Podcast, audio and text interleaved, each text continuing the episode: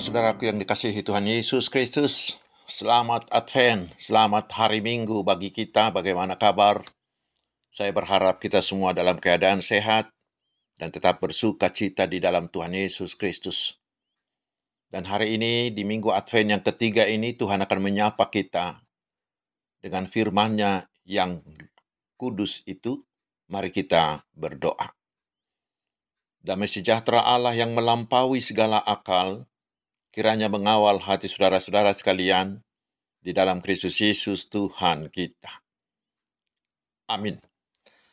Saudaraku, firman Tuhan yang ditetapkan untuk hari ini di minggu Advent ketiga ini adalah dari kitab Nabi Sefanya, pasal yang ketiga ayat 14 hingga ayat 20. Saya bacakan untuk kita. Bersorak-sorailah hai hai putri Sion, bertempik soraklah hai Israel, Bersukacitalah dan beria-rialah dengan segenap hati, hai putri Yerusalem. Tuhan telah menyingkirkan hukuman yang jatuh atasmu, telah menebas binasa musuhmu. Raja Israel, yakni Tuhan, ada di antaramu. Engkau tidak akan takut kepada malapetaka lagi. Pada hari itu akan dikatakan kepada Yerusalem, Janganlah takut, hai Sion. Janganlah tanganmu menjadi lemah lesu Tuhan Allahmu ada di antaramu sebagai pahlawan yang memberi kemenangan. Ia bergirang karena engkau dengan sukacita. Ia membaharui engkau dalam kasihnya. Ia bersorak-sorak karena engkau dengan sorak-sorai. Seperti pada hari pertemuan raya. Aku akan mengangkat malapetaka daripadamu, sehingga oleh karenanya engkau tidak lagi menanggung celah. Sesungguhnya pada waktu itu, Aku akan bertindak terhadap segala penindasmu, tetapi aku akan menyelamatkan yang pincang, mengumpulkan yang terpencar, dan akan membuat mereka yang mendapat malu menjadi kepujian dan kenamaan di seluruh bumi. Pada waktu itu aku akan membawa kamu pulang, yakni pada waktu aku mengumpulkan kamu, sebab aku mau membuat kamu menjadi kenamaan dan kepujian di antara segala bangsa di bumi dengan memulihkan keadaanmu di depan mata mereka. Firman Tuhan. Demikian firman Tuhan. Saudara-saudaraku yang dikasihi Tuhan Yesus Kristus, bila kita sedang menderita, apa yang paling kita butuhkan? Yaitu pasti bila ada yang bisa menghibur dan menyemangati kita, bukan? Itulah yang akan kita terima melalui firman Tuhan hari ini. Di zamannya Nabi Sefanya ini, bangsa Israel sangatlah menderita karena mereka sedang dalam pembuangan. Sakit sekali karena mereka dilecehkan, dihina. Terutama mereka merasa tidak lagi memiliki masa depan karena merasa Tuhan telah meninggalkan mereka. Mereka terus menangis dan menangis seperti kita baca di Mazmur 137 itu. Saudaraku, di situasi putus asa dan menderita seperti itulah Tuhan menyerukan, bersorak-sorailah, bersukacitalah, beria-rialah. Ini yang luar biasa. Mengapa? Karena Tuhan telah memulihkan mereka sehingga mereka tidak lagi bersedih, tetapi harus bersukacita. Mari kita coba telaah. Yang pertama di ayat 15 dikatakan, Tuhan telah menyingkirkan hukuman yang jatuh atasmu. Kita tahu, mereka dibuang karena dosa mereka yang sangat besar. Tetapi sekarang Tuhan berkenan mengampuni mereka. Semuanya karena Allah adalah Allah yang penuh kasih. Kasihnya lebih besar dari murkanya. Karena itulah Tuhan mau mengampuni mereka. Lalu yang kedua di ayat 15 dan 17 dikatakan bahwa Tuhan berkenan diam di antara mereka sebagai pahlawan bagi mereka. Kita tahu mereka sering dilecehkan bangsa yang menjajah mereka dengan mengatakan, "Di mana Allahmu?" Karena waktu itu bila sebuah bangsa dikalahkan bangsa lain, maka Allahnya juga dianggap turut kalah. Tetapi sekarang Tuhan mengatakan, Tuhan ada di antara mereka, bahkan menjadi pahlawan untuk menyelamatkan mereka. Dan yang ketiga yang paling menggembirakan, di ayat 18 sampai 20 dikatakan, bahwa kehinaan mereka akan digantikan menjadi kepujian dan kenamaan. Karena Tuhan akan membawa mereka kembali ke Yerusalem dan membuat mereka kembali menjadi bangsa yang mulia. Dan bangsa yang selama ini menindas mereka akan dihancurkan oleh Allah. Ringkasnya saudaraku, karena kasih Allah, maka pada akhirnya Israel akan dipulihkan dan menjadi bangsa terhormat. Karena itulah mereka diajak bersukacitalah dan bersorak-sorailah. Saudara-saudaraku, sahabat-sahabat Tuhan Yesus, itulah juga seruan Tuhan bagi kita hari ini, bersukacitalah. Minggu Advent ketiga sering disebut Minggu Sukacita, sehingga lilin yang dinyalakan berwarna merah muda sebagai simbol kegembiraan. Kita diajak, mari bersukacitalah seperti diserukan di Sakaria 9 ayat 9. Bersorak-soraklah dengan nyaring, hai putri Sion, bersorak-sorailah, hai putri Yerusalem. Kita tahu saudaraku, bersuka cita Maria ia adalah kebutuhan manusia. Tuhan menginginkan agar seluruh umatnya tetap bersuka cita. Karena itulah Tuhan Yesus mau mati untuk kita, untuk menggantikan duka cita kita menjadi sukacita.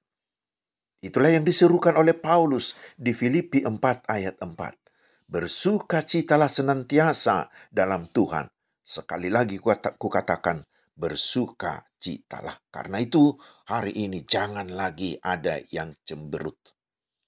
Benar saudaraku, kehidupan ini penuh dengan hal yang menyedihkan. Terutama sekarang ini akibat COVID, COVID-19 ini. Hidup kita mungkin sering seperti naik roller coaster, sangat menegangkan. Tetapi hari ini kita diajak bersukacitalah, sambutlah Natal, jalanilah hari-harimu dengan hati yang penuh luapan sukacita. Walau mungkin duit kita tidak ada, atau sedang tidak punya pekerjaan, atau usaha kita masih dalam keadaan seret. Mengapa?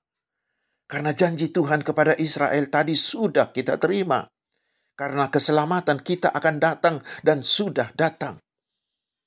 Advent memberitahu kita bahwa Tuhan sangat mengasihi kita, orang-orang berdosa ini, sehingga Tuhan mau datang ke tengah-tengah kita, diam di antara kita, yaitu Tuhan Yesus Kristus yang lahir di Bethlehem. Itulah Immanuel.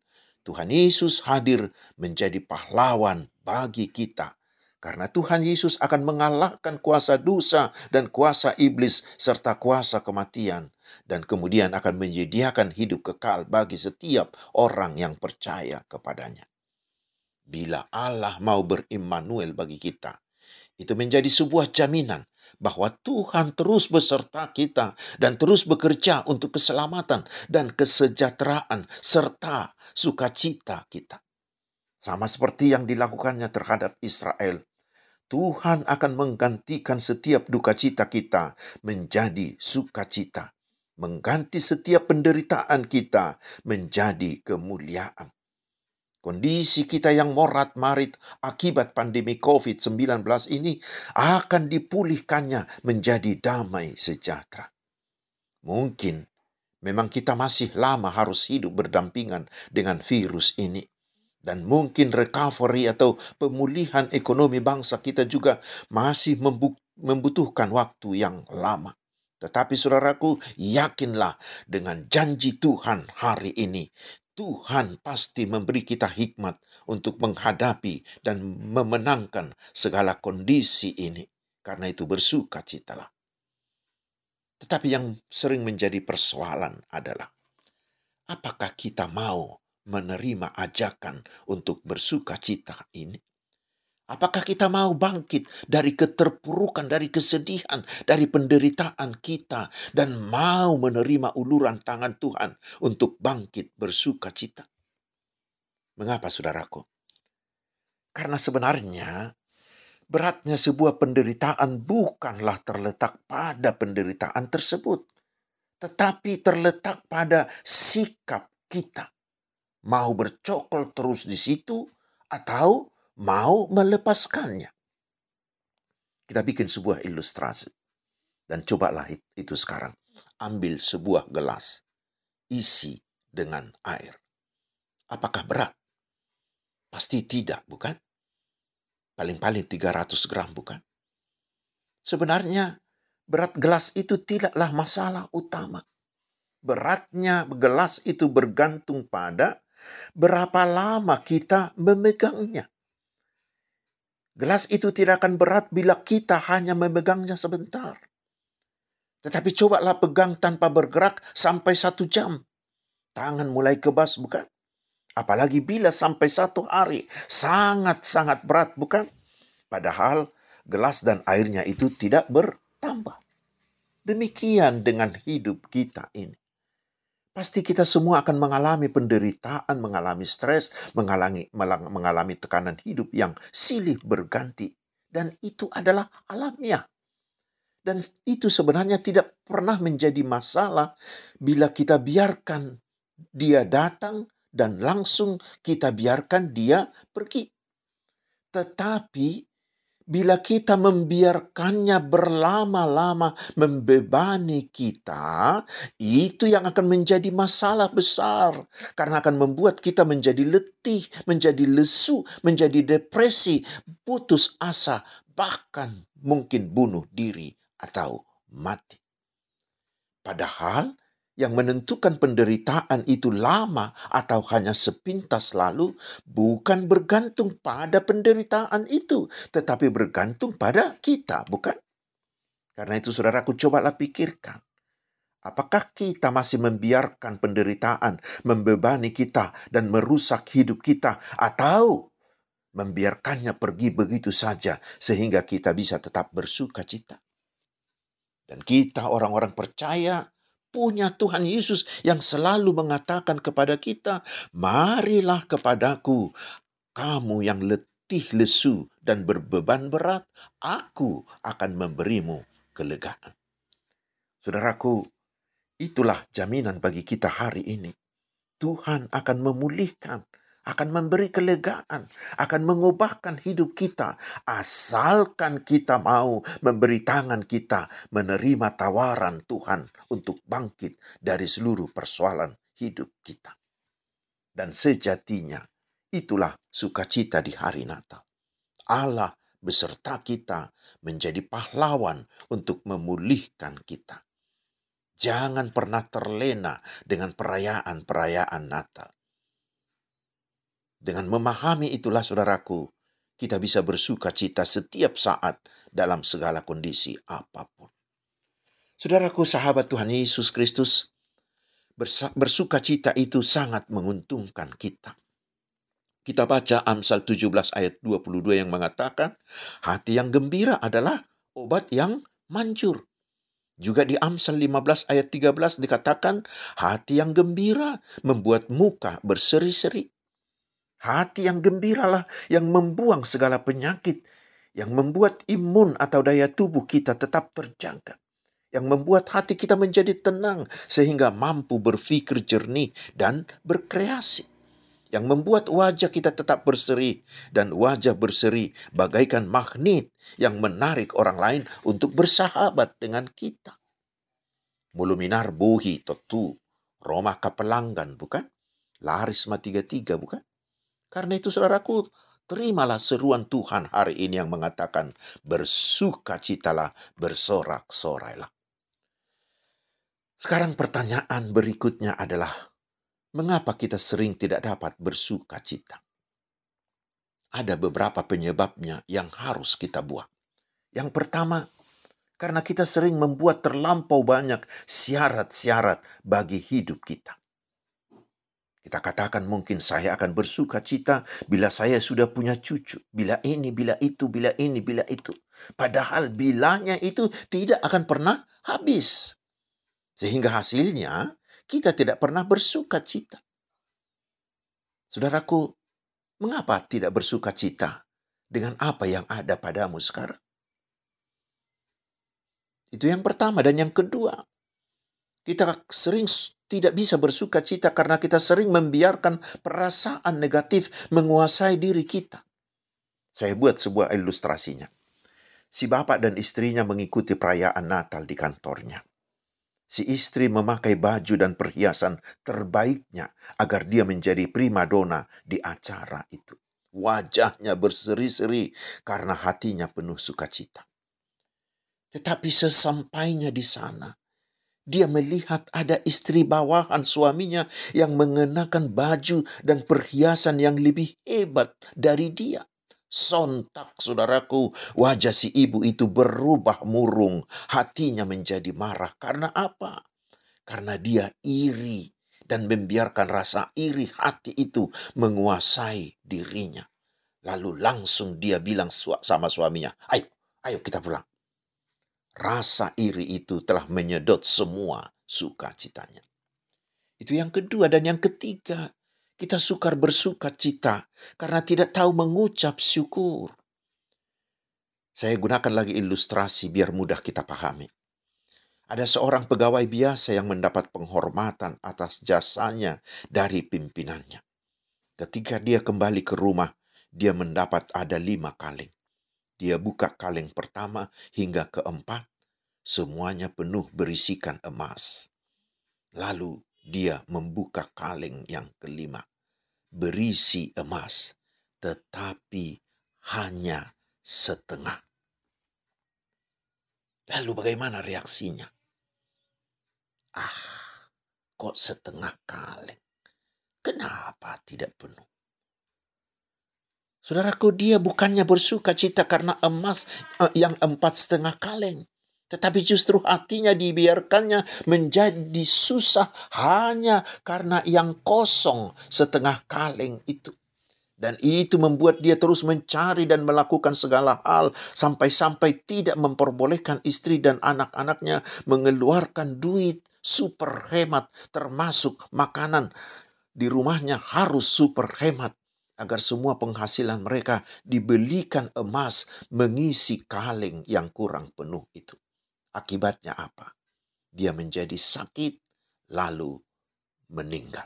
Itulah karena tidak tahu mengucap syukur. Hari ini saudaraku, buang semuanya itu. Tetapi mari terimalah firman Tuhan yang menyerukan. Isilah hari-harimu dengan sukacita. Karena Tuhan Yesus telah datang di antara kita menjadi pahlawan untuk memenangkan kita dari kuasa dosa dan iblis. Juga untuk memenangkan semua kondisi kehidupan ini. Selamat bersukacita, selamat bersorak-sorai. Tuhan Yesus memberkati. Amin. Mari kita berdoa. Terima kasih Tuhan atas firman-Mu. Jadikanlah itu menjadi benih yang terus bertumbuh dan berbuah dalam hidup kami. Sehingga hidup kami tetap bersuka cita karena kami menyambut Tuhan Yesus dalam hati kami. Karena itu Tuhan kami memohon Hiburkanlah dan beri dan berilah kekuatan bagi teman-teman kami yang masih tertunduk lesu dalam penderitaan, dalam sakit penyakit atau dalam pergumulan hidup. Kuatkan hati dan iman mereka agar mereka mau mengulurkan tangannya menyambut ajakanmu hari ini untuk bersuka cita.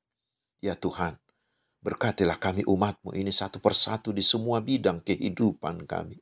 Kami yakin karena Tuhan adalah gembala agung kami yang maha kasih dan maha kuasa. Tuhan akan mencukupkan segala kebutuhan kami. Ya Tuhan berilah kami hikmat-Mu, sehingga kami mampu menjalani kehidupan ini dalam segala kondisi. Tuhan, berilah belas kasih-Mu bagi gerejamu di seluruh dunia, agar semakin giat mengabarkan Injil-Mu. Kobarkanlah hati semua hamba dan umat-Mu agar semakin bersemangat dan bertenaga mengabarkan Injilmu sehingga kerajaanmu semakin meluas. Ya Tuhan, berilah keberhasilan bagi semua usaha pemerintah dan semua pihak untuk memulihkan kesehatan, sosial dan ekonomi bangsa kami. Kokohkanlah persaudaraan di antara penduduk bangsa ini. Jauhkan segala usaha pemecah belah kami memohon janganlah segala ben, jauhkanlah segala bencana dari bangsa ini dan kuatkanlah hati mereka yang ditimpa bencana, terutama bencana akibat gunung meletus, akibat banjir dan akibat tanah longsor. Terima kasih Bapak di sorga. Di dalam nama Tuhan Yesus kami berdoa dan bersyukur. Tuhan memberkati engkau dan melindungi engkau. Tuhan menyinari engkau dengan wajahnya dan memberi engkau kasih karunia. Tuhan menghadapkan wajahnya kepadamu dan memberi engkau damai sejahtera. Amin.